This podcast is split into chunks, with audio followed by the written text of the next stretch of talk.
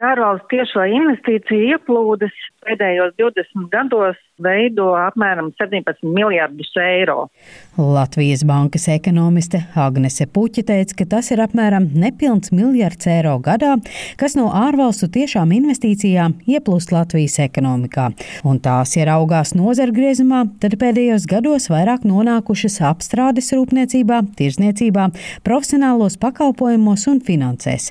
Lielākie investori ir Zviedri un tad secīgi Igauni un Vācieši. Ja mēs runājam par dinamiku, tad lielas ārvalstu tiešās investīcija ieplūdes bija traknajos gados, tad pirms finanšu krīzes 2008. un 2007. gadā.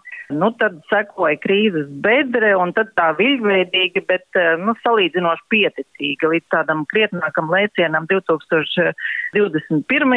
gadā, ko noteica Svetbank holding izveide tāds tehnisks drīzāk arguments.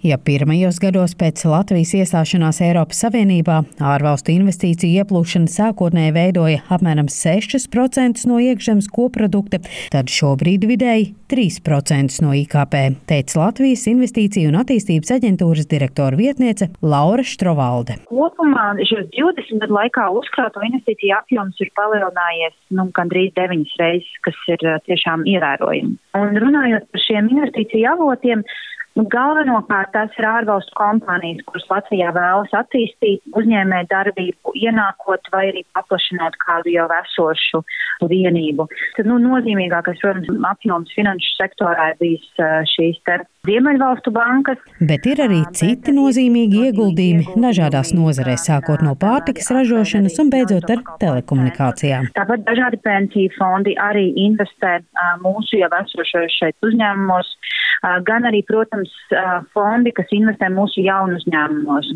Pagājušā gadā vien ir, ir vairāk kā 60 miljonu investīcijas.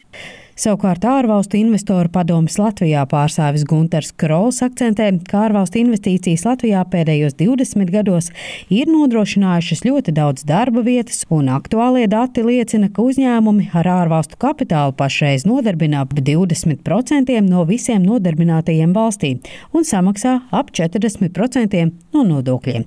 Tomēr kopumā pēdējos 20 gados paveikto Krols vērtē piesardzīgi apmierinoši ar lejupējošu tendenci. Krols uzsver, ja vērtē uzkrāto ārvalstu investīciju apmēru pēdējos 20 gados, tad tas ir pieaudzis apmēram septiņas reizes, kas ir apsveicams rezultāts. Bet vai ir izmantotas visas iespējas, un vai šīs investīcijas skaits nevarēja būt daudz reizes lielāks?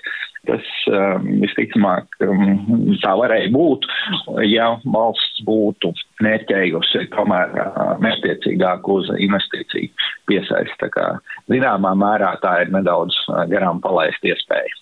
Vēl viena iespēja, kas pēc Krola paustā nav izmantota, ir Latvijas uzņēmumu eksporta spējas potenciāla izmantošana. Pa šo laiku ekonomikas izaugsmas rezultātā varēja rasties daudz spēcīgi uzņēmumi Latvijā, kuri arī investētu ārpus Latvijas uz Eiropas Savienības virzienu.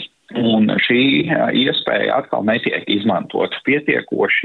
Savukārt Latvijas bankas ekonomiste Agnese Puķa spriež, ka pēdējo desmit gadu griezumā, salīdzinot Latvijas sniegumu ar abām kaimiņzemēm, Lietuvu un Igauniju, mūsu valsts ārvalstu investoru piesaistē iepaliek. Un faktiski ne tikai tāds ir pamats runāt par vispār kopējo investīciju vidi, nu, un vēl par dažādu, teiksim, finanšu avotu izmantošanu, jo mums iepaliek gan mūsu pašu finansējums, gan kredīti mājasemniecībām un uzņēmumiem, gan šīs ārvalstu tiešo investīciju ieplūdes. Nu, vienīgais, kur mēs neiepaliekam, ir, ir Eiropas Savienības fondi kas samērā līdzvērtīgi. Vērtējot Eiropas Savienības fondu pienesumu mūsu valsts ekonomikai, Latvijas bankas ekonomiste Agnese Puķa pauž, ka summas nav lielas, apmēram 500 miljonu eiro gadā. Tomēr Eiropas naudas pozitīvais gūms tas neveido parādu un atsevišķās nozarēs, piemēram, būvniecībā, Eiropas fondu nauda spēlē nozīmīgu lomu. Turklāt ar Eiropas Savienības fondu naudu īstenotie projekti nereti paģērē arī valsts un privāto līdzfinansējumu, Līdz ar to tas nav mazsvarīgs finansējuma avots. Linda Zalāne, Latvijas radio.